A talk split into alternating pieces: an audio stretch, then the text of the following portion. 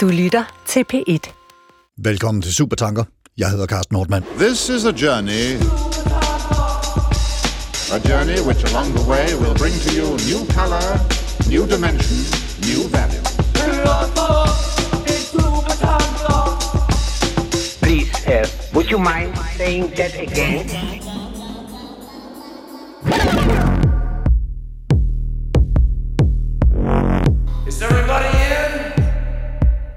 Kortere uddannelser, færre uddannelser, billigere uddannelser og anderledes uddannelser.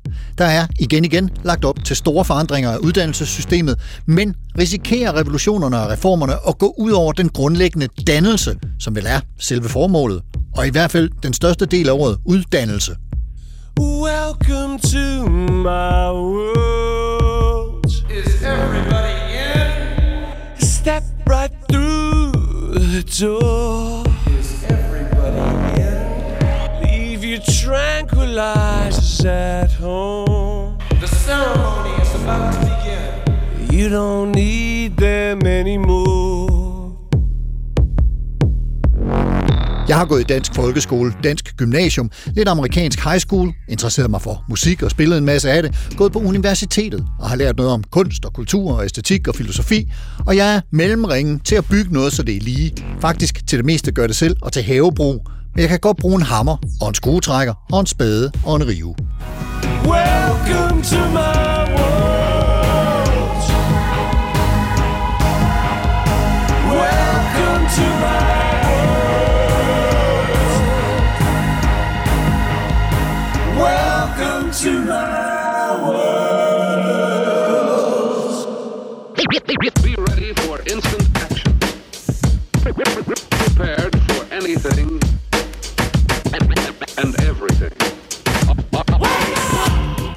Danmark, måske mere præcist Christiansborg, har i mange år talt om, at Danmark er et videnssamfund. At vi som nation skal leve af de muligheder, som den danske velfærdsmodel har givet os i årtier.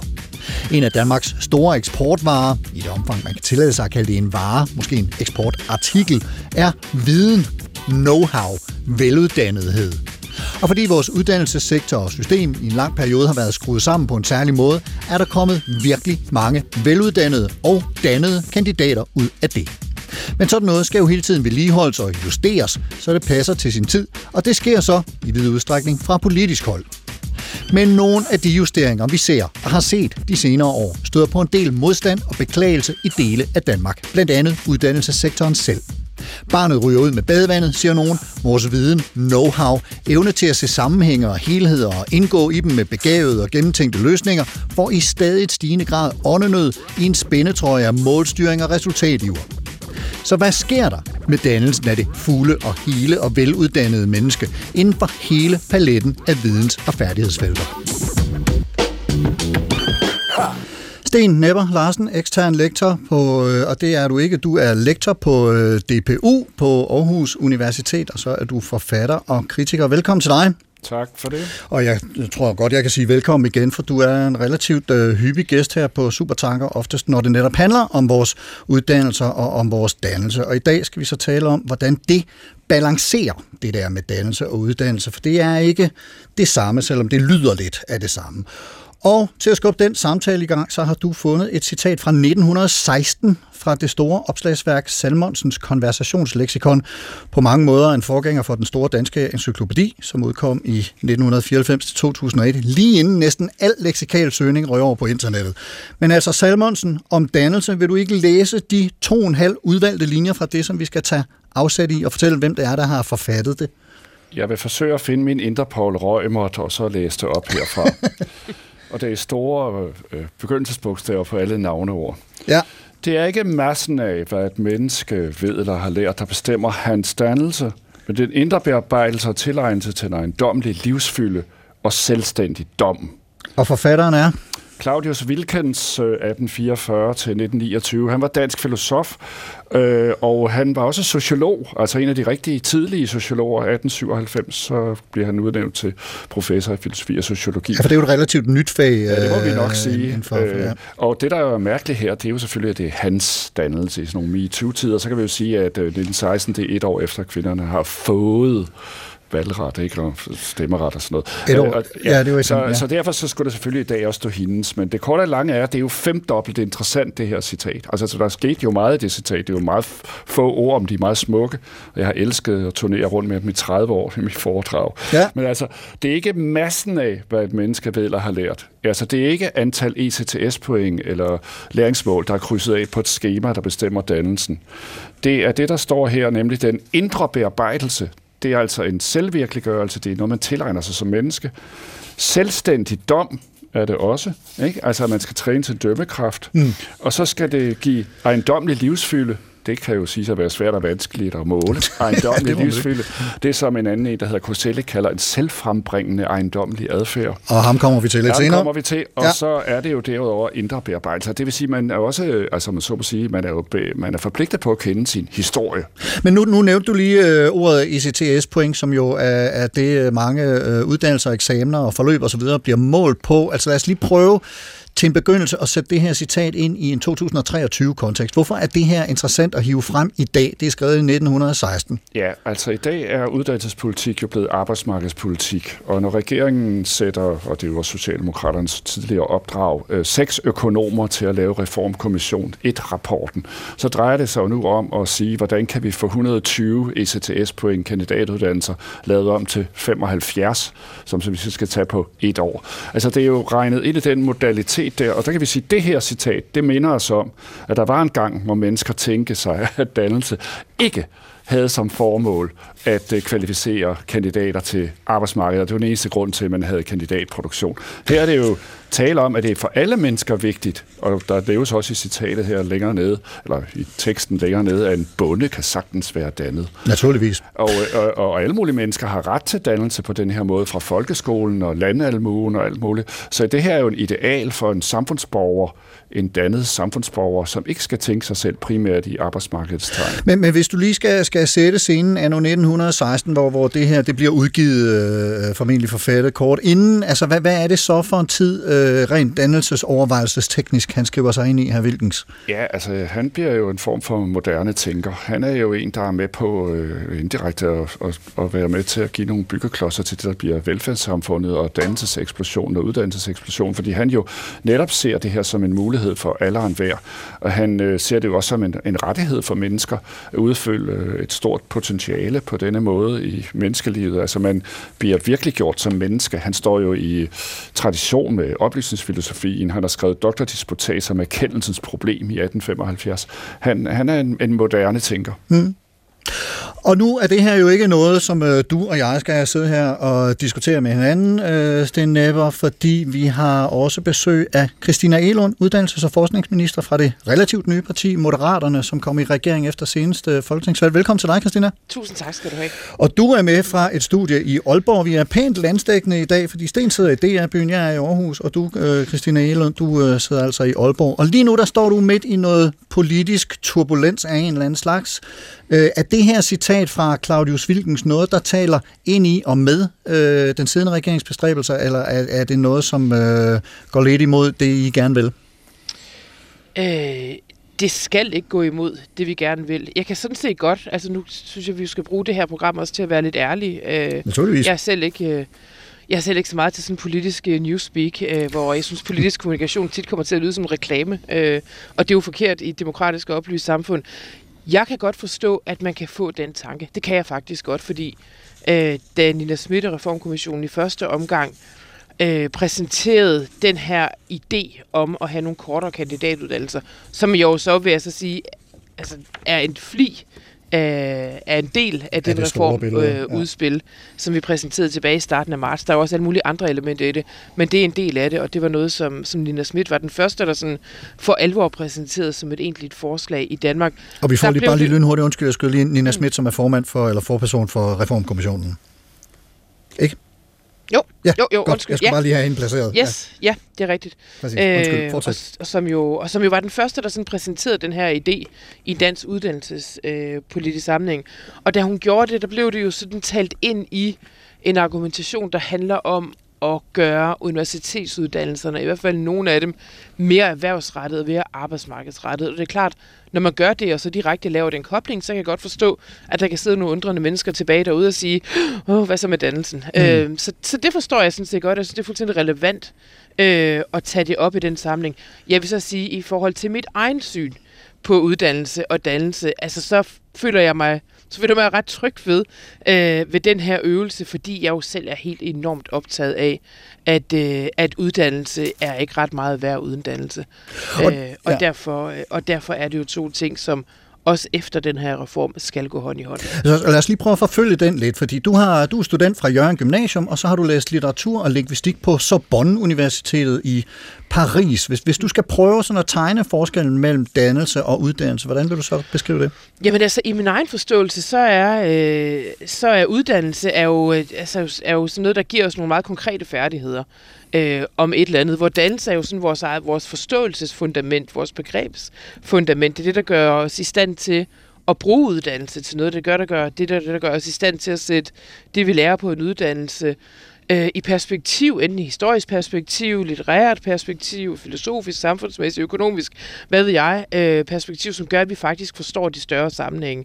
Og derfor altså et sæt færdigheder, som man lærer på en uddannelse uden dannelse, øh, kan jo selvfølgelig noget i egen ret, men de kan meget mere øh, skrevet ind i en kontekst, øh, hvor man har også en, en bred dannelse. I mit eget liv, altså, så tror jeg, at første gang jeg sådan for alvor forstod, og, jeg, og i virkeligheden måske uden at forstå, at det var det, der skete, øh, men, men stødt på det her med, at dannelsen gør noget ved os. Det tror jeg var i gymnasiet, øh, da vi dykkede ned i de, i de græske tragedier øh, i oldtidskundskab. Det er der helt sikkert mange, der har oplevet det samme. Så sådan, altså, hvor man søger efter relevans, så tænker man, hvad er det, de her historier kan fortælle os? Jamen, de kan lære os noget om, om magt, om samspil mellem nationer, og om menneskers væsen i det hele taget. Og det tror jeg var min eget sådan, første lære med, at der er noget, der hedder nogle tankesæt, som gør os i stand til at forstå ting, og hvis man har det som, som et eget, altså som et eget dannelseskompas, så er vi meget bedre i stand til at forstå og bruge konkrete øh, færdigheder, som vi så måtte få. Herligt. Uddannelse. Sten, med en kommentar til det? Ja, altså, du er jo glad for, at du er en gammel, god humanist fra Paris, og det, men hvordan kan du så stå på mål for det her? Det har jeg jo svært ved at forstå, fordi igennem de sidste 10 år, der er halvdelen af alle humaniorapladser forsvundet på universitetet. Der er allerede blevet akkrediteret, og øh, optaget, der bliver optaget færre, ikke? Altså, nummeringen af, hvor mange får man lov at optage. Altså, I den forstand, øh, så øh, har humaniora allerede fået kniven, og nu får vi så at vide, at halvdelen af humaniorauddannelsen skal forringes. Altså, jeg har meget svært ved at forstå, hvordan det harmonerer med din glæde for historie og fordybelse og sådan noget. Det er en meget stor flanke, du åbner Ja, her, er du Sten. Vi på skal en lige... måde- Øh, Er du på en måde fået en, om man så må sige, post for at føre en kniv, du ikke har lyst til at føre? Nej, men sådan er politik jo nogle gange. Altså, da vi fremlagde det her øh, udspil, så var der mange ting, som alle ligesom umiddelbart omfavner. For eksempel flere internationale studerende, flere engelsksprogede uddannelser, flere erhvervskandidater osv. osv. Mere livslang læring. Alt det, der sådan umiddelbart er nemt at omfavne, det omfavner alle, og det, der så er svært, det er så det, vi diskuterer. Øh, og det er helt færdigt. Så spørger du, du siger et færre spørgsmål, hvordan Altså, hvis vi skulle stramme dig lidt, ikke, så ville det sige, hvordan kan du overhovedet være i det her, øh, Christina, med, med din humanist, i hvert fald påberåbte humanisme. Altså, jeg er sådan set enig i din karakteristik af humaniora. Der blev optaget, tror jeg, siden 2013, er optaget på humaniora faldet med mere end 40 procent. Så den der karikatur, øh, som har sat sig i en myte af, at på de humanistiske uddannelser går der mennesker rundt og studerer øh, fuldstændig uanvendelige, virkelighedsfjerne ting, øh, som, som samfundet ikke kan bruge til noget. Det kan godt være, den enkelte ikke kan bruge det til noget, kan bruge det til noget, men samfundet kan ikke bruge det til noget. Det er simpelthen ikke rigtigt. Altså, den karakteristik er jeg ikke enig i. For det første, så er der jo blevet det, der hedder ledighedsbaseret dimensioneret øh, i mange år, og det har gået hårdt ud over øh, humaniora øh, som det første. Som det andet, ideen om, at der foregår ting på de humanistiske fakulteter, som, øh, som vi ikke har brug for som samfund, er jeg heller ikke enig i. Jeg synes, øh, at det her med at, altså at, at overlevere viden bare for overlevering af videns egen skyld, øh, står i egen ret og har en stor værdi for samfundet. Og derfor, og derfor har vi jo heller ikke som en del af regeringens udspil foreslået at dimensionere humaniora. Øh, det er jo også en lidt en, af myterne om vores udspil, at vi vil skære ned på antal studiepladser. Det vil vi ikke. Det siger universiteterne selv, at det, vil, det synes de er en god idé. Og det er der også nogle andre politiske partier, der peger på, at vi skal skære ned på antallet af studiepladser på universiteterne. Og det kan godt være, som led en politisk forhandling, at det ender der. Det kan, jeg, altså, det kan jo hverken sige ja eller nej til i dag. Vi er midt i politiske forhandlinger. Men ideen om, at der er en myriade af ubrugelige studier på humaniora, øh, er jeg ikke enig i. Og blandt andet derfor for har vi heller ikke foreslået dimensionering som en del af vores udspil. Og det kommer vi til at tale meget mere om i det følgende nu. Nu skal vi lige høre lidt mere til Claudius Wilkens.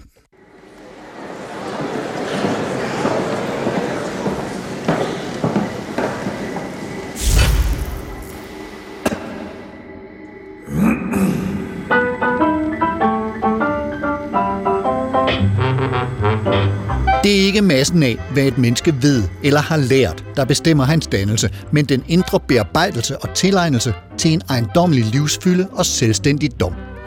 Den sætning kommer hen mod slutningen af det cirka 5 sider lange opslag om dannelse, som Wilkens altså har forfattet til 1916-udgivelsen af Salmonsens konversationsleksikon. Men der er for mig at se god grund til, at vi også lige kaster et blik på indledningen.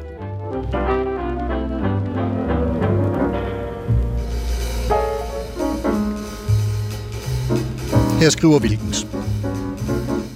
Dannelses betydning fremgår ikke blot deraf, at dannelse er formålet for opdragelsen, men end mere af den kendskærning, at den tidligere adskillelse af folket i stænder er opløst og erstattet ved klassemodsætningen af dannede og uddannede. Selvom forskel i besiddelse, besiddende klasser, hævder sin betydning, bestemmes menneskers omgang, selskabelighed, ægteskab osv.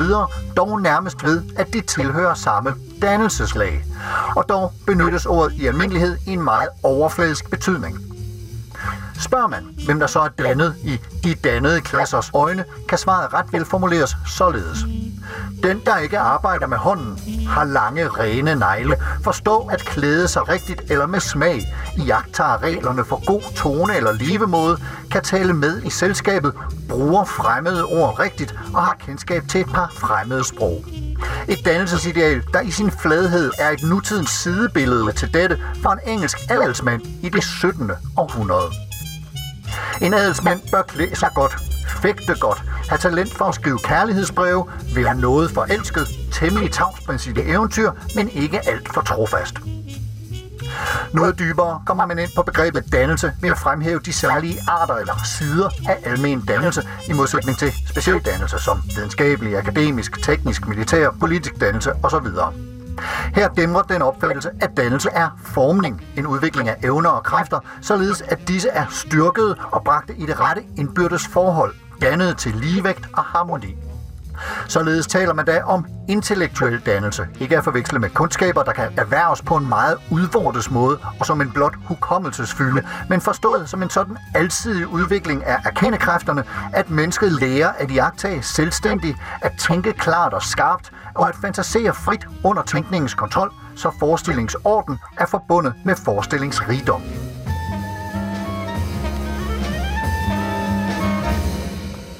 Herefter følger opregninger af, hvad hjertets dannelse, karakterens og viljens dannelse, æstetisk dannelse, formel og selskabelig dannelse og læmelig dannelse indbefatter. Og det munder ud i en konklusion om, at der der også har været tider, da man for eksempel særligt har lagt vægt på lægemlig dannelse i forbindelse med en vis mystisk art af hjerters dannelse, middelalderens ridder for eksempel, eller på en blot formel og selskabelig dannelse, hofmanden, eller på en vis forbindelse af viljens og følelsens dannelse, kristendommen.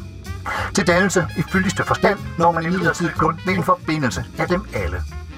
Et dannet menneske i ordets højeste betydning vil være det menneske, der ved opdragelse, undervisning og selvdannelse af sine evner og anlæg var nået frem til at fremstille menneskevæsenet i ren og fuld udfoldelse, og dette krævede da hendes spændige ligevægt mellem alle de navngivende dannelsesider. Dannelse kan hermed bestemmes som den ved opdragelse, undervisning og selvdannelse erhvervede evne til fuld og altidig deltagelse i sit folks og sin tids åndelige historiske liv.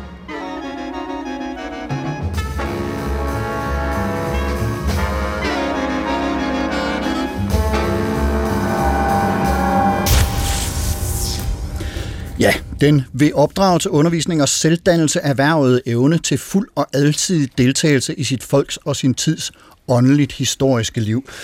Christina Elund, både i vores øh, indledende linjer fra, fra Hvilkens dannelsesopslag, som vi hørte lidt mere af her, og i så det, vi, vi, vi så hører her, der skiller han jo også mellem uddannelse og, og, og dannelse. Hvad mener du, hvad skal man sige, de hver især øh, op, opfylder af krav til, til vores væren i verden? Altså, hvorfor er de hver især vigtige, synes du? Jamen, jeg synes i virkeligheden, altså i, særligt i beskrivelsen af, af dannelsen, som vi lige hørte, så bliver det jo gjort meget eksplicit. Det er jo det, der gør os i stand til at navigere. Og i en intellektuel forstand er det også det, der gør, altså dannelsen, der gør os i stand til kritisk tænkning. Hmm. Og uden kritisk tænkning kan man ikke navigere. Altså jo slet ikke i et demokrati, og i virkeligheden jo slet ikke, altså jo, så heller ikke i et, i et undertrykkende øh, øh, regime. Øh, men jeg kan meget godt lide den sondring, der var sådan lidt malerisk beskrevet med den lidt overfladisk, sådan lidt snobbede dannelse, det der handler om at have pænt tøj på, og, og have pudset og- skoene, ja, ja. og, og så noget at kunne begå sig at vide, fra hvilken side man skal bruge bestikket, og alt det der. Det der, vi som, som den overfladiske dannelse, hvor den intellektuelle dannelse er den, der gør os i stand til at være et stærkt samfund i virkeligheden. For det andet er og bare overflade. Men hvor at, at den kritiske t- tænkning, den der tør at stille spørgsmålstegn øh, ved, ved sådan nogen som os, eller mig, altså ved magthaverne, og så træffer beslutninger, men det er sådan set også i forhold til alle de uformelle øh, magthierarkier, uden kritiske tænkning øh, er, er, er, altså, er, er, har- er vi jo ikke et, et egentligt øh, tænkende øh, folk, mm. og ud af det jo heller ikke den udvikling, som vi har, som vi har brug for. Nu, nu nævnte du lige, at øh, st- store dele af din grunddannelse, hvis vi skal kalde det det, øh, kommer fra, fra øh, ikke mindst gymnasiet, og, og måske især særdeleshed oldtidskundskab, og, og, og den der type af fag, som åbner øh, feltet bagud, og, og netop øh, knytter en masse forbindelser. Hvis, hvis, hvis vi lige, nu er det jo i vid udstrækning universiteterne, øh, der, der er lavet udspil til reform af. Altså, hvad, hvad, hvad tænker du, universiteternes rolle er i det her, øh, i den her dannelses- og uddannelsessondring og, og, og hvad især vigtighed? Jamen universiteterne, nu bliver du lidt generaliserende, men man skal sådan, Ja. skille det op sådan meget groft, så har du universiteterne jo mindst to former, men også så bare at koncentrere os om to af dem. Universitetet skal, øh, som vi egentlig også var inde på indledningsvis, skal jo altså bibringe og viderelevere viden, og det har en selvstændig værdi i egen drift. Altså, jeg synes, det er vigtigt, at vi også i det her land om 20 eller 30 år har mennesker, som forstår og kender indisk sprog og kultur, for eksempel, og forstår at sætte det i perspektiv. Øh, så alt det almen danne, det der gør, øh, det der gør den unge generation i stand til at reflektere og sætte i perspektiv, stille sig kritisk, øh, det skal øh, universiteterne understøtte, så den almene læring øh, og viderebringelsen af det, øh, og jo videre ud i forskningsmiljøerne, skal universiteterne understøtte. Så bliver universiteterne også nødt til, og det er jo så i det lys, man skal se vores udspil, også nødt til i skarpere grad, end man gør at uddanne til, til arbejdsmarkedet. Og det er der jo forskellige grunde til. Altså et af dem er sådan lidt kedeligt strukturelt, øh, men sådan er politik jo også. Altså tilbage i 90'erne besluttede man sig for, at det var en politisk sådan motiveret ambition. Man blev enige om, at vi vil have, at langt flere øh, af en ungdomsårgang skal have en lang videregående uddannelse. Øh, og det man lykkedes med. Altså i 1990 var det en ud af 10, der fik det. I dag er det, er det mere end hver fjerde øh, som går på universitetet og tager en, en lang videregående uddannelse der. Alle dem, som går der, skal jo, ender jo ikke det samme sted, når de på et eller andet tidspunkt er færdige på universitetet og har et bevis i hånden øh, og skal ud og virke. Rigtig mange af dem ender øh, enten på det private eller offentlige arbejdsmarked, og det er vi nødt til at gøre dem lidt mere parate til, og det er jo i det øh, lys, øh, man skal se udspillet. Og, og, og du markerer øh, til, til det her, Sten, og jeg vil egentlig gerne lige, øh, inden, inden du får ordet, øh, skyde spørgsmålet ind. Det kan være, du kan reflektere over det også. Hvad det er, vi øh, mister henholdsvis vinder ved den her reform. Øh, og, og, og det kan du passende starte med at, at, at svare på, Sten. Nu hvor du har markeret, så, så skal vi lige huske, at øh, Christina selvfølgelig også skal have lejlighed til at give sit bud på, hvad vi vinder henholdsvis mister ved det. Men Sten, øh, prøv at Ja, altså, man har sat seks øh, økonomer, absolut ikke nogen uddannelsesforskere, ikke nogen uddannelseshistorikere, ikke nogen sociologer, ikke nogen, øh, der kender til i idéhistorie. Der er slet ikke nogen af den slags folk med. Og det, man kommer til at miste, det er selvfølgelig øh, muligheden for fordybelse. Det er muligheden for, at man kan gå nogle begavede svinkeærner, havde jeg nær sagt, og ikke nødvendigvis følge en ret vej, og hele tiden have videre af universitetslæreren, hvad det næste projekt går ud på, som om man går i skole. Altså, man mister jo simpelthen retten til øh, at øh, selv at blive dannet og selv at bruge sin omtanke og sine forskellige forskerglæder. Man bliver for instrumentel i sin tilgang til studier. Man bliver for stresset af arbejdsmarkedet. Og grundlæggende er der også mange studerende, der så vil have svært ved at have et erhvervsarbejde samtidig med, at de studerer. Hvis de skal tage hele uddannelsen på 75 ICDS-point på et år, så bliver det jo mere vanskeligt at få de der kontakter også til erhvervslivet og til statslivet og kulturlivet og sådan noget. Så mange unge allerede opbygger forbindelser til, mens de studerer. Det bliver mere vanskeligere. Og det, man mister, ja.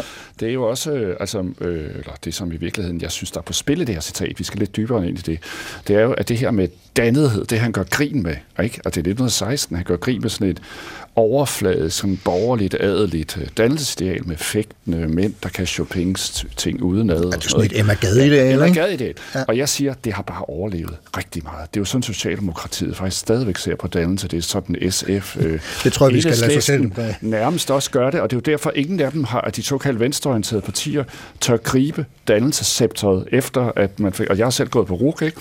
Altså det, der var opgøret med Roskilde Universitetscenter, projektarbejdet og problemformulering, det var jo netop det borgerlige dannethedsideal om substantiel viden og indsigt i alt muligt. Så det, da vi gik der, var totalt venstreorienteret, der begyndte vi jo at blive meget kritiske over for RUK i virkeligheden, fordi de havde sadet grenen over til dannelsestanken. Ikke? Jeg vil gerne lave en venstreorienteret revitalisering af dannelsesbegrebet. Ja. Det, og det er jeg sikker på, at vi kan også folde det mere ud om et øjeblik. Jeg synes, at Christina skal have, have lejlighed til at dels at svare på det, du siger der, Sten, og, og også komme med dit bud på, Christina, hvad, hvad du synes, vi vinder henholdsvis mester ved, ved, ja. ved det øh, udspil her. Altså, det var jo en stribe påstanden af, hvilke, ul- hvilke ulykker den her reform vil, vil, øh, vil føre med sig. Jeg synes måske, at jeg savner lidt, at, at nogle af påstandene også blev underbygget øh, af forklaringer med, altså for eksempel sammenhæng. Du siger, øh, der vil ikke være mulighed for fordybelse, man vil blive for stresset, der vil ikke være tid til studiejob og sådan noget. Altså, det er jo påstanden, øh, og, og de står sig bedst ved at blive underbygget. Hvis jeg bare skal tage fat i noget af det, altså påstanden om, at, at der ikke vil være tid til studiejobs, øh, altså det mener jeg er, er direkte forkert. Det er jo ikke sådan, at, at man skal nå det samme på kortere tid. Øh, vi, vi komprimerer ikke øh, forståelsen af, hvor mange ICTS man skal nå på et semester for eksempel. Det vil være præcis det samme. For det at gå på universitetet er i dag en fuldtidsbeskæftigelse. Det vil det også være efter reformen. Øh, så der vil være præcis den samme, øh, den samme tid til det. Hvis jeg skal sætte nogle ord på, hvad er det så, vi egentlig får ud af det? Altså, en ting er jo det, som jeg nævnte før, en for nogen af uddannelsers vedkommende, en stærkere arbejdsmarkedsretning. Og når vi synes, det er vigtigt, øh, så er det jo dels, altså, dels forbundet med det historiske forløb, som jeg ridsede op før. Der er mange flere af en ungdomsårgang, som går på universitetet, end, øh, end, øh, end tilfældet var tidligere. Jeg synes, vi skylder dem også, at universitetet også forbereder dem på, hvad er det for en Altså, hvad er det for en faglig virkelighed, der møder dem den dag, øh, de, øh, de går ud på universitetet? Når man spørger dem selv, så peger de selv på, at den overgang er super vanskelig. Altså over 40 procent af de studerende siger, at der er noget samspil her i koblingen mellem studier og, øh, og arbejdsliv, som ikke fungerer. Det synes jeg, man skylder dem og, øh, at, tage, øh, at tage alvorligt. I forhold til det her med, om det bliver mere stressende og mere strømlidende, der vil jeg faktisk påstå, at hvis vi gør, altså gennemfører den her reform klogt, at så kan vi ende det modsatte sted, altså faktisk ved at tage noget af stresset af øh, de, øh, de unge skuldre, øh, fordi at vi kopper, altså sådan kløver uddannelsesblokken lidt op. I dag så ligger den som sådan en meget bestand blok på fem år i starten af livet, og så skal man ud og arbejde, til man på den tidspunkt skal på pension. Det vil jeg gerne bryde lidt op, altså så man går på universitetet, kommer ud og arbejder, og jo så har den dag, man forlader universitetet første gang, et krav på og mulighed for at vende tilbage og videre fordybe sig senere hen, og jo så med, med de erfaringer, man har fået fra erhvervslivet med sig øh, i bagagen ind på universitetet igen. Det tror jeg faktisk kan gøre det mindre øh, retlignet, mindre stressende, og jo også medvirke, at uddannelse er faktisk er noget, vi som mennesker kan have med os igennem hele livet, og ikke bare ligger som en blok i starten af, af voksenlivet. Men, men, men i forhold til den her erhvervsrettighed, som, som man gerne vil, vil øh, styrke i, øh, i uddannelsessektoren, så, så har jeg flere steder hørt øh, nogen spørge, hvordan ved vi, hvordan erhvervs- og arbejdsmarkedet ser ud om fem år, henholdsvis fire, hvis det er en etårig kandidat, øh, og, og hvorvidt der rent faktisk er de jobs, som, som studerende så øh, måske vælger øh, en uddannelse baseret på, øh, hvordan det ser ud lige nu. Hvad er mulighederne for at, at, at forudse det? Altså, vi kan vide noget. Vi kan selvfølgelig ikke vide alt, medmindre man sætter sig ned og laver sådan maoistiske 5- eller 10-årsplaner. Øh, og det har vi ikke øh, kutume for i Danmark, og det skal vi heller ikke have. Vi ved jo noget om, altså, hvad er det for nogle områder, øh, hvor vi bliver nødt til at være stærke i Danmark. For eksempel på den grønne omstilling. Vi taler meget om, at ej, hvor skal vi have mange flere faglærte, der sådan meget konkret kan udrydde kabler og bygge energiøer og sådan noget. Det er også rigtigt. Universiteterne skal også øh, være med til at bidrage til, at vi jo også udtænker næste generation af energiteknologier, for eksempel, som skal gøre, at vi kan bekæmpe klimaforandringerne. Så man skal jo kunne, kunne spille på begge øh, tangenter. Når vi siger, at det skal være mere arbejdsmarkedsrettet, så er det jo ikke nødvendigvis set i det perspektiv, at vi kan pege på præcis, hvor er efterspørgselen øh, om, øh, om mange år. Vi kan vide lidt om det, men det handler jo mere om, at uddannelserne i deres i deres indretning også forbereder øh, de studerende på, hvad er det for et arbejdsliv, der møder en, og man så skal arbejde for staten øh, eller i det private virksomhed.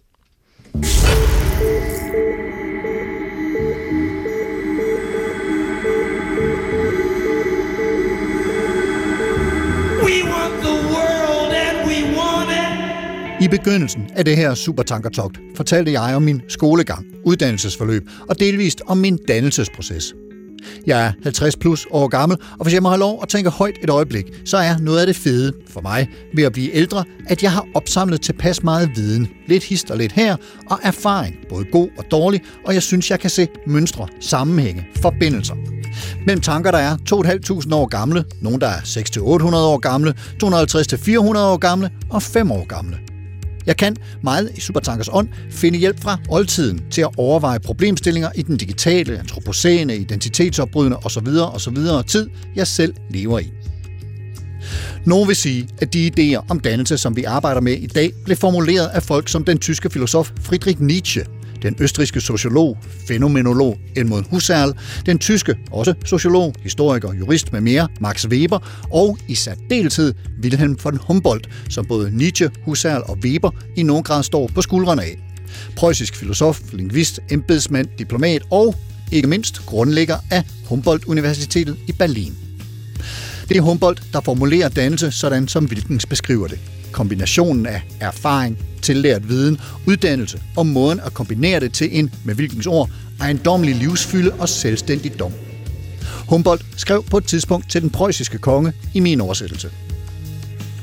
Der er unægteligt visse typer viden, der må være af en generel natur og, vigtigere endnu, en særlig kultivering af sindet og karakteren, som ingen kan klare sig uden.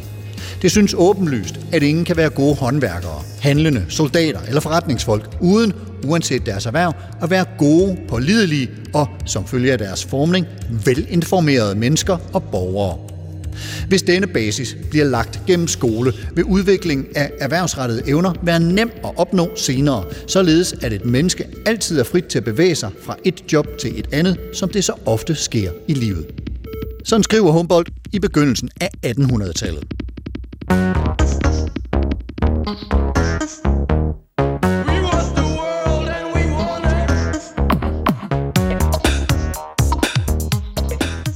En anden, eller endnu en, tysker, Johann von Goethe, skriver ikke så meget senere, at den, der ikke tegner sig for 3.000 år, forbliver uerfaren i mørket, må leve fra dag til dag.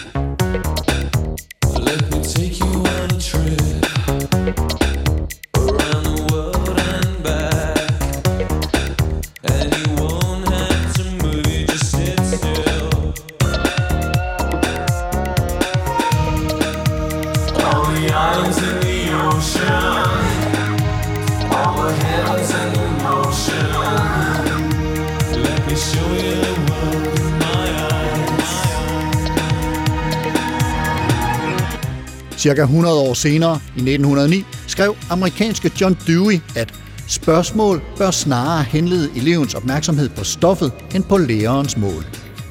Og i 1930 skriver filosofen Martin Heidegger, mere end nogensinde har jeg et ønske om at lære, og i bund og grund betyder det altid at møde modstand. Blandt nulevende møder vi danske Per Ørgaard, som i 1984 skrev, Dannelse appellerer til noget evigt i mennesket, men appellerer samtidig til en forbindelse mellem dette evige og virkelige liv.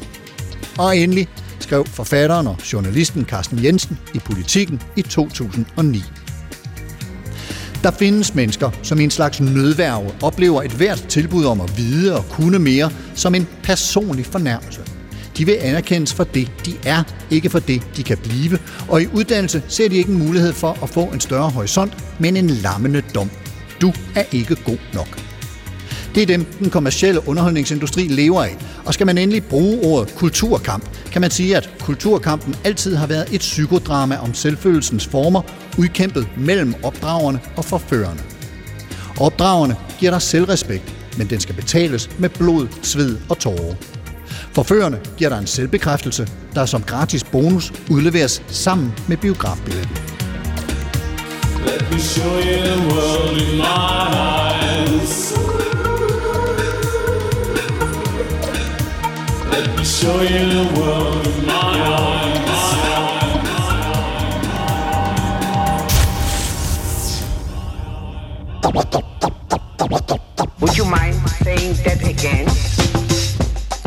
Mange mennesker opfatter dannelse som et rap over nallerne, uddelt af Emma Gad på basis af takt og tone i selskabslivet.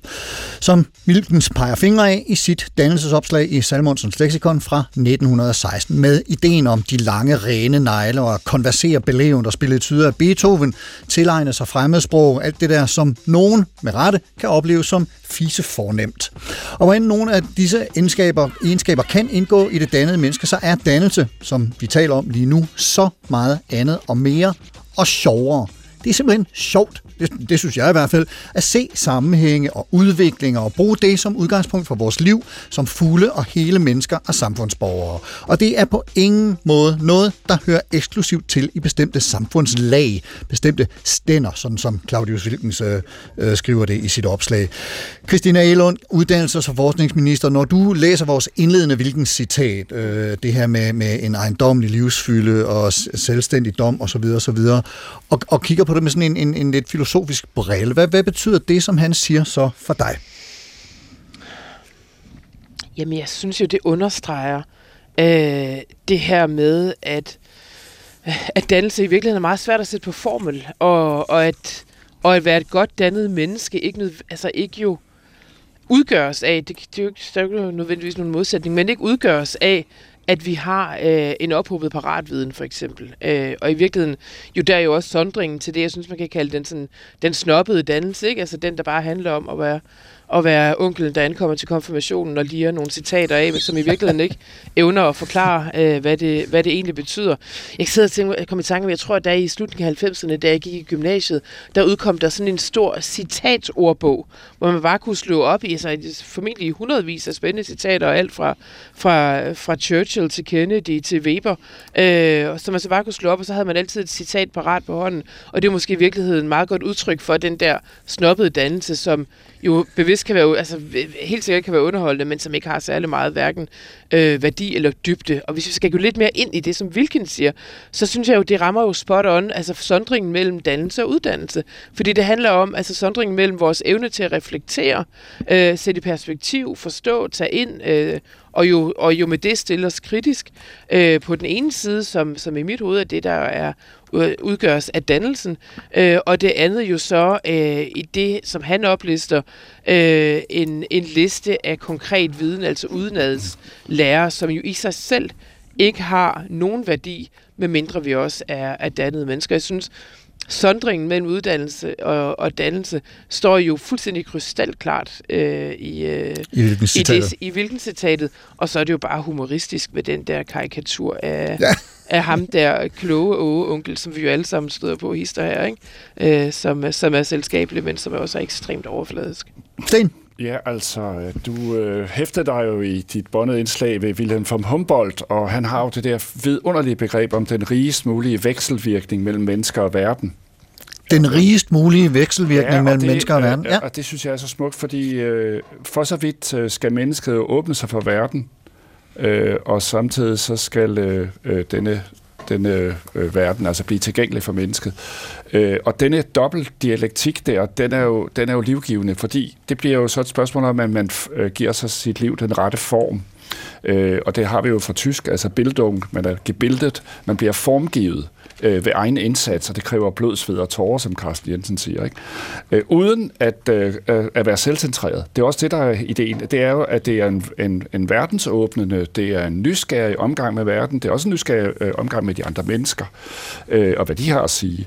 Det vil sige, øh, forestillingen er jo ligesom, at der foreligger viden, der foreligger historie, der foreligger digte, der foreligger sprog, der foreligger kunst, der foreligger muligheder for det menneskelige liv, og det må vi sådan set tage på opdagelse i. Og det er jo, det er jo en smuk tanke, at vi alle har den mulighed, og vi alle skal have retten til den øh, bevægelse.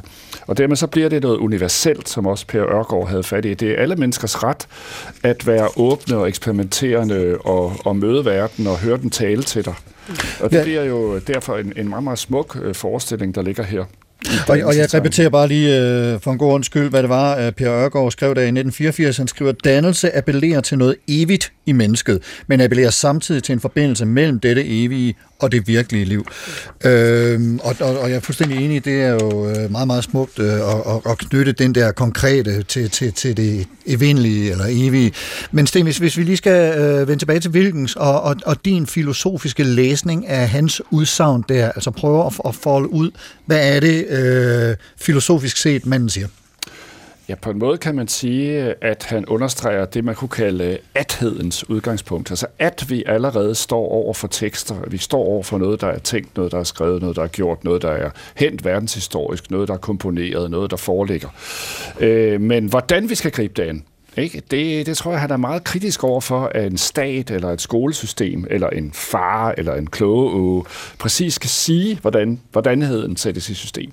Det vil så holdes der en Der, åbenhed. der kan så komme lige hvordanheden ind over for atheden, ja, bare lige for at holde altså det er jo begreberne. Fordi, øh, vi kan jo sige, at det, der sker med Reformkommissionen, det er jo, at øh, vi reducerer på mange måder øh, uddannelse til kun at være noget, der øh, har tjener noget, hvis det ender i en øh, arbejdsmarkedskvalifikation, øh, kvalifikation, som kan sælges. Det vil sige, at vi faktisk lader markedet bestemme,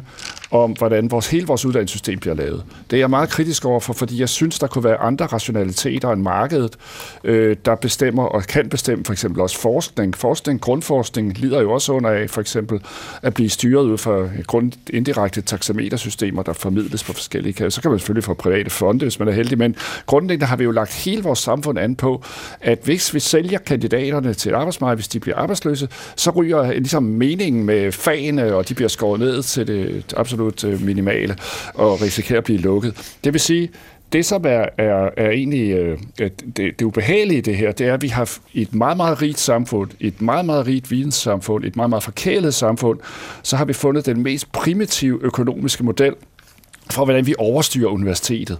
Og det vil sige, at i stedet for at give os mulighederne i vold og udforske dem sammen, så laver vi et meget hurtigt hvordanhed, der hedder, kan vi tjene penge på det, kan vi afsætte kandidaterne, hvordan får vi den højst mulige konkurrenceevne. Og så får vi simpelthen reduceret hele uddannelsessystemets væren og mening og dannelsens mål og midler til at være markedsstyret, til at være en del af, om som sige, kapitalistisk konkurrencemaskineri.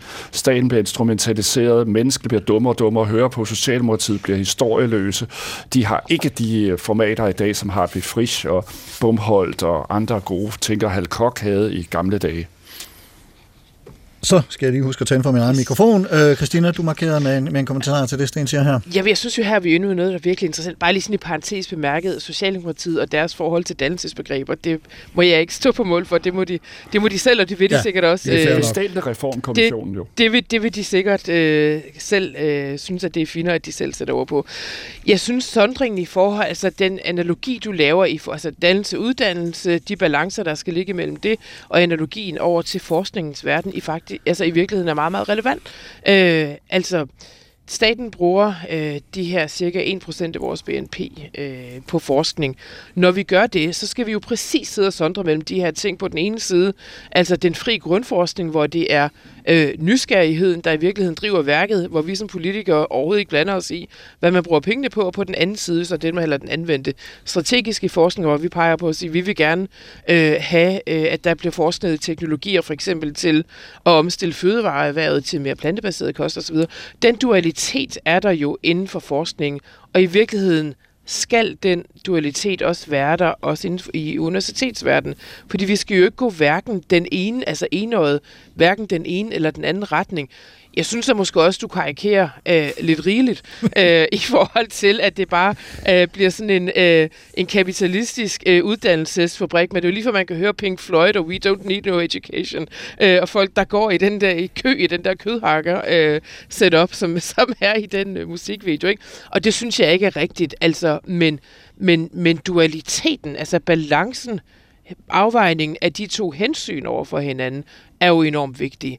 Øh, og, og jeg er fuldstændig på det rene med, at det arbejdsmarkedsrettede, øh, hvis det er uddannelse, vi taler om, eller, eller det anvendelsesrettede, hvis det er forskningen, vi taler om, er jo ikke meget værd, hvis ikke man har henholdsvis en bred dannelse øh, eller den fri grundforskning. Men, men jeg kan ikke, altså som, som minister, der har ansvar for helheden, øh, kan jeg jo ikke sige, at, at, at, at det er den ene eller den anden vej, der skal være dominerende, fordi hvis tingene skal, skal fungere ikke bare for samfundet, men jo også for det enkelte menneske, som er en del af de her systemer, så skal dualiteten øh, være der. Og det er en balancegang, en afvejning af hensyn, som vi skal være opmærksom på løbende, altså som en evig kamp, tror jeg. Mm. Og Sten, du må meget gerne øh, komme med en meget kort kommentar lige til det her, men, men vi skal også lige øh, gemme et par minutter øh, til at, at folde det, det filosofiske aspekt af det her lidt mere ud med nogle andre tænkere, som, som også, hvad skal man sige, taler sig eller skriver sig ind i, i, i det, som øh, hvilken citatet taler om. Men bare lige en meget hurtig kommentar til det, Christina siger, og så videre til den filosofiske. Øh, Jeg er bange for, at hele det eksistensorienterede forsvinder. Altså fordi det, der sker, når det enkelte menneske indoptager øh, viden og tænkning og historie og kunst i sit eget liv, så får man en rigere syntese, og så får man en større ekstension, altså man udvider sit virkefelt i verden. Og det er det der eksistentielle menneske, jeg synes, der er ved at blive glemt i universitetet. Fordi vi har dannelse indskrevet i gymnasieparagrafen og i højskoleparagrafen, men jo ikke så meget i universitetsparagrafen, om man så må sige. Og i universitetets øh, målbeskrivelse er mere eller mindre øh, blevet overtaget af den her instrumentelle rationalitet. Men hvis vi skal gøre det der, som du siger, det kan jo ikke lade sig gøre på to minutter, men vi kan sige, altså den store hermeneutiske filosof, Hans Georg Gadamer, som på mange måder er formidabel og elev af, Heidegger i øvrigt, øh, altså han har jo den der forestilling, at man skal lære at se bort fra det blot private og hæve sig til noget alment. Det synes jeg er en meget smuk tanke. Altså det der opgør med det snæversynede rational choice, eller sådan economic man-logik, ikke? Og så give sig ligesom øh, virkningshistorien af tekster i vold og give dem en begavet fortolkning. Det er jo hans idé med hermeneutik, som er en forståelse af fortolkningslærer. Øh, Adorno, kritisk teori, første generation, han, han og jeg farer jo, altså, nazismens fuldstændige destruktion af det tyske dannelsessamfund, om man så må sige, og indsætning af brutalistiske og morderiske værdier og likvidering af mange, mange millioner mennesker og en verdenskrig, der ligger meget i ruiner, og siger så, altså det kan godt være, at man kan være en dygtig tekniker, man kan have en vis forspring i forgasningsteknikker, for nu at tale fuldstændig usmageligt. Øh, men øh, det gør ikke en til dannet menneske. Han er bange for halvdannelsen og for destruktionen af mennesker i, i, i, i sådan et kølvand på et, et dannelsesløst og et svagt tænkende og ukritisk menneske. Ja, moderne i dag, kan vi jo sige, er sådan en som Hartmut Rosa, der bliver læst af mange, altså resonanssociologi, øh, en form for kritik af accelerationssamfundet. Han, han taler jo til fordel for, at vi skal prøve at dvæle mere ved den resonans, der kan komme fra tingene. Det lyder lidt som Humboldt i virkeligheden, altså vekselvirkningen mellem øret og verden, mellem sanserne og verden, mellem en dybere dvælen ved tingene, også fordi i det sociale end at have været forhastet. De spiller jo alle sammen med på denne her tyske idé om, at dannelsestanken er andet og mere end at se sig selv i spejlet. Det er jo ret beset. Et bildung, vi er jo dannet et billede af noget, der er større end os selv. Det kommer jo lidt tilbage fra kristendommens forestilling om, at vi dannede Guds billede. Og så har vi jo sat noget andet ind i stedet for Gud, men vi skulle nøde ende med et tomt spejl, hvor vi kun ser os selv. Det er jo det, der er det farlige. Og der synes jeg, eller selv som strategisk menneske, der er det jo, at, at hele den her tyske dannelsestradition, den er jo vigtig at sætte sig ind i. Ikke for, at man skal blære sig med, at man kan alle de her citater, men fordi det kvalificerer ens hverdagsliv som almindelig menneske i Danmark i dag. Ja.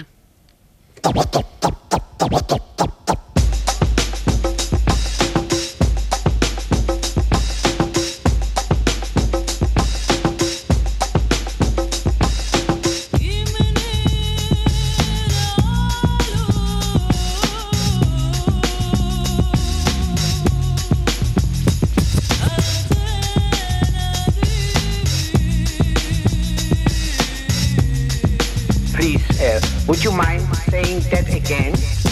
Thinking of a master plan. Supertanker, Christina Sten og Karsten, og Claudius Wilkens, dansk filosof og sociolog, som i 1916 skrev et opslag om dannelse i Salmonsens konversationsleksikon, blandt andet med ordene, vi tager dem altså lige en gang til, det er ikke massen af, hvad et menneske ved eller har lært, der bestemmer hans dannelse, men den indre bearbejdelse og tilegnelse til en ejendommelig livsfylde og selvstændig dom. Og det vedbliver simpelthen at være en smuk sætning. Vi har været lidt rundt i dannelses- og uddannelseslandskabet her i den øh, seneste lille time, blandt andet set i lyset af nogle af de forslag, som den siddende regering har til en reform af universitetet. Og Christina Elund, uddannelses- og forskningsminister, hvad synes du, hvordan synes du, fremtiden ser ud for Danmark som vidensnation af alt det, vi har talt om her? Altså vidensnation som noget, vi gerne vil promovere os selv som ude i verden. Man kan sige, det er jo meget fattigt, hvis det bare er noget, vi gerne vil promovere os som. Vi skal jo kunne promovere os God som pointe. det, fordi, fordi vi er det. Ja. Øh, og ikke fordi vi, og ikke fordi vi siger, øh, at vi er det.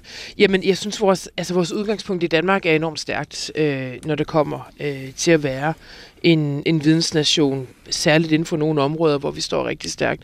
Øh, så synes jeg, at der er nogle ting, som, jeg ved ikke, om det truer, men det er i hvert fald nogle, altså, det er i hvert fald nogle, nogle skygger, vi skal være opmærksomme på. Øh, og hvis jeg skal, skal bare sådan lave to nedslag, ikke? det ene er meget nært, og det andet er meget sådan eksternt. Altså, den kritiske tænkning, som jo er en, en etableret del af det danske både undervisnings- og uddannelsessystem, er virkelig værd at stå vagt om. Jeg ved ikke, om I kan huske, Anders Fogh sagde tilbage en gang, da han var statsminister, sådan lidt karikeret, sagde han sådan noget med, ja, men i danske skoler, der sidder man bare i en rundkreds og kigger på hinanden i øjnene og siger, hvad synes I selv? Som, altså på en lidt, sådan jeg opfatter det som en hundelig måde. Ja, At det fik han synes- også noget røg for, så vidt jeg Ja, husker. og, Ja. og det synes jeg også er en forkert øh, karikatur, fordi noget af det, nu har jeg jo selv også rejst og, og studeret øh, blandt andet i Frankrig, noget af det, der stiller os stærkt som borgere, altså både i uddannelses- og videnssammenhæng, men i det hele taget og som demokrater, øh, er, at vi har en stærk... Øh, har en stærk rodfæstning i den kritiske tænkning. Det skal vi passe på. Det kan jeg være lidt bekymret for. Øh, den anden del øh, er Altså, det står mere og mere tydeligt for mig, det her med, at viden er magt. Altså, vi samarbejder med alle mulige lande i hele verden omkring udveksling af viden. Samtidig med det, så står vi i en geopolitisk situation, som er helt anderledes, end hvor vi stod for bare et år siden. Det er, for helt, helt ærligt, det stiller os også i nogle prioriteringer og nogle balancegange, som er super, super svære, ikke? Fordi hvornår er det så, det geopolitiske eller sikkerhedspolitiske vinder over, at vidensudveksling i sig selv får viden til at vokse. Mm. Øhm, så, så to nedslag, ja. som, som vi skal tænke over. Og Sten, din oplevelse af Danmark som fortsat vidensnation, givet vores samtale, den vi har haft her? Ja, altså jeg er jo for det første meget begejstret for det, Christina her siger om kritisk tænkning, mm. og øh, også for at få øh, det internationale tilbage på universiteterne, ikke? fordi i lang tid så var Dansk Folkeparti og Socialdemokrater mere eller mindre enige om at skrue ned for internationalisering af uddannelserne. Men det er lidt ironisk, ikke? Altså det er ikke mere end 15 år siden, der prædikede Globaliserings- og Innovationsrådet af erhvervslivets spidser og politiske topfolk internationalisering. Og nu er det håndværk og tekniske uddannelser, der bliver talt op, og det er som om, vi skal leve af og smøre vores madpakker selv og alt det der. Det er jo ikke fordi, der er noget galt med håndværk og kunne noget med sine hænder. Det øh, ser jeg vældig med, har kæmpe respekt for. Men det er jo mærkeligt, at man har pakket den der lidt, øh, vi skal leve af kognitiv kapitalisme, altså vidensøkonomi, den har man pakket lidt væk. Men det er godt, den kommer tilbage her, fordi det er jo kunstige modsætninger, vi i øjeblikket er ved at lave mellem teori og håndværk, eller mellem tænkning og praksis. Det er så ubegavet, ikke? Altså, det, det, det er første semester på et hvert studie, hvor man har nedbrudt den der tankefigur. Altså, hvordan fremtiden ser ud, det er der ikke ret mange, der ved. Og jeg er også bange for alle mulige totalitære øh, regimer, der er omkring os, og ikke mindst, at Danmark bruger alt for mange flere penge på militær, og ikke på uddannelsessystemer. Det er, der står også en kamp i øjeblikket der. Det er en helt anden snak. Det er en helt anden snak. Men øh, det vi jo står over for nu, det er jo, som du rigtigt siger, altså vi må fastholde, at vi øh, i forhold til for eksempel i Frankrig, i stedet for at sidde og skulle læse filosofi, jeg kender unge mennesker, der har været nede på Sorbonne her for kort tid siden og kommet hylende hjem, fordi de skulle lære det hele udenad. og Der var ikke en kritisk samtale om filosoferne, og der var ikke nogen eksistentielle dybdedimensioner i det, man lærte. Og der er det jo trods alt her i Danmark, der er vi jo optaget af, har du en begavet fortolkning at give af det, du læser? Har du selv en selvstændig kritisk læsning, du kan skrive om i den her opgave, og får du ikke bare lektier for af systemet? Altså det er jo et fortrin, vi har. Mm. Og lige, du, du sidder og, og nikker anerkendende, Christina, hvis bare lige med en ganske kort øh, afsluttende kommentar til det, hvis øh, du har noget, du vil Ja, men det var, øh, til det var bare billedet af de her øh, studerende øh, fra Sorbonne. Jeg kan huske selv, jeg altså, startede med at studere dernede der i slutningen af 90'erne. Øhm, og blev jo altså totalt outmatchet af mine øh, franske medstuderende. Jeg var ikke på sådan et Erasmus-program, jeg søgte ind på lige fod med de franske studerende, og, prøv, øh, og de kunne lire meget mere udenadsviden af, end jeg øh, stad, sikkert stadigvæk kan i dag. Øh, til gengæld lave noget, jeg jo så også stille mig kritisk over for. Det synes jeg siger alt om øh, forskellen på uddannelsestraditioner. Der har vi noget meget værdifuldt, som vi skal, som vi skal værne om. Fremragende. Det var supertankerne for i dag. Vigtige tanker skulle jeg nok mene, og hvis du også, kære lytter, synes det, og har brug for at genhøre nogle af dem, så kan det som altid lade sig gøre i DR Lyd, hvor der også er mulighed for at genhøre en masse andre supertanker-samtaler. Og også der i øvrigt, hvor du så finder stream op og podcasts. Christina Elund, uddannelses- og forskningsminister, medlem af partiet Moderaterne. Mange, mange tak, fordi du kom og foldede din videre, din overvejelse om dannelse og uddannelse ud for os i dag. Tak skal du have. Stor fornøjelse. Dejligt. Og Sten Nepper Larsen, lektor på DPU ved Aarhus Universitet. Tusind tak også til dig for at indvige os i din viden og dine overvejelser. Selv tak. Og på Facebook-siden Carsten Nordmann Radio og på LinkedIn under Carsten Nordmann kan man kommentere og sende ros eller ris og finde anbefalinger fra mine gæster og en musikplayliste fra programmet, hvis man skulle være interesseret i sådan en.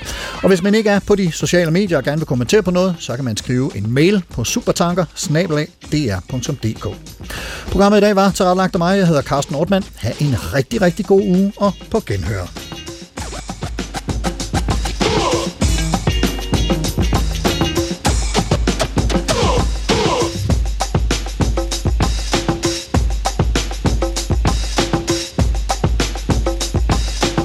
Thinking of a master plan.